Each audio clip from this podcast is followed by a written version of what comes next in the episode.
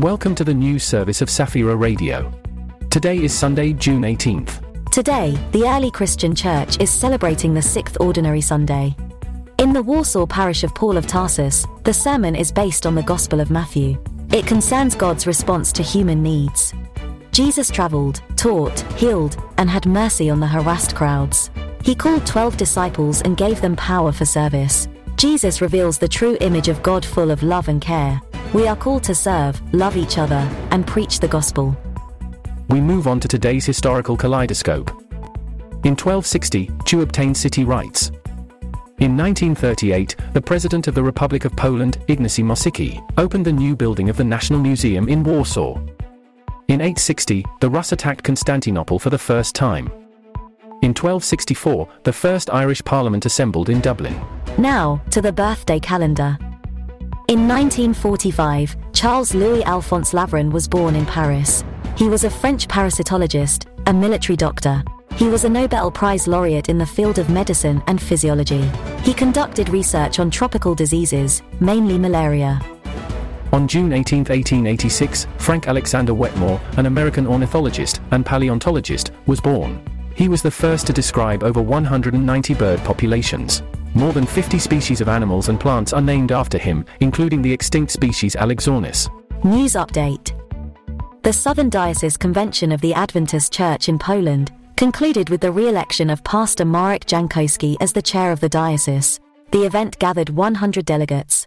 This will be another year of Jankowski in this role. The biblical school initiated by the Bishop of Kalisz ended its activities by awarding diplomas to 76 participants of the second edition.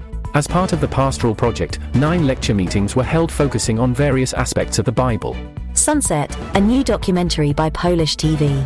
The film showcases the daily ministry of Brazilian missionaries helping the poorest.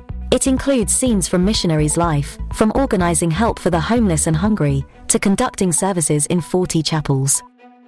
Sociologists at a conference in Konstancin-Jeziorna analyzed changes in Polish religiosity. They noticed a rapid departure of the young from institutionalized religion.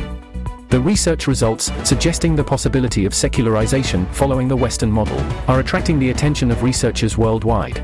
The Catholic University of Lublin will start medical training in October. It plans to increase the number of places from 60 to 180. The university has signed agreements with three hospitals and is expanding the possibilities for student internships. The March for Jesus gathered thousands of participants in six cities in France. The event, filled with music, testimonies, and prayers, promoted unity and cooperation among God's people. It's an initiative of evangelical communities, having its roots in London since 1987. President Andrzej Duda hosted the organizers of the 11th Congress of Large Families in Grodzisk Mazowiecki. In a letter to the participants, he emphasized the effects of pro-family initiatives. The event, which gathered over 1,000 people, concludes today. The World Health Organization has officially recognized traditional Chinese medicine. Now, Eastern and Western medicine will be integrated. A French influencer organized the Love Army for Somalia campaign. Thanks to it, a million dollars were raised to aid Somalia within 48 hours. 60 tons of food and water were delivered to those in need in Somalia. Michael Simkin, a mathematician from Harvard University, solved the Eight Queens problem, a 152 year old chess game. The task was to determine the number of possible configurations of queens on an n by n chessboard, where no two pieces can attack each other. Simkin developed a formula to calculate this number after five years of research. That was the news service of Safira Radio. We invite you to our next broadcasts. May God bless us all.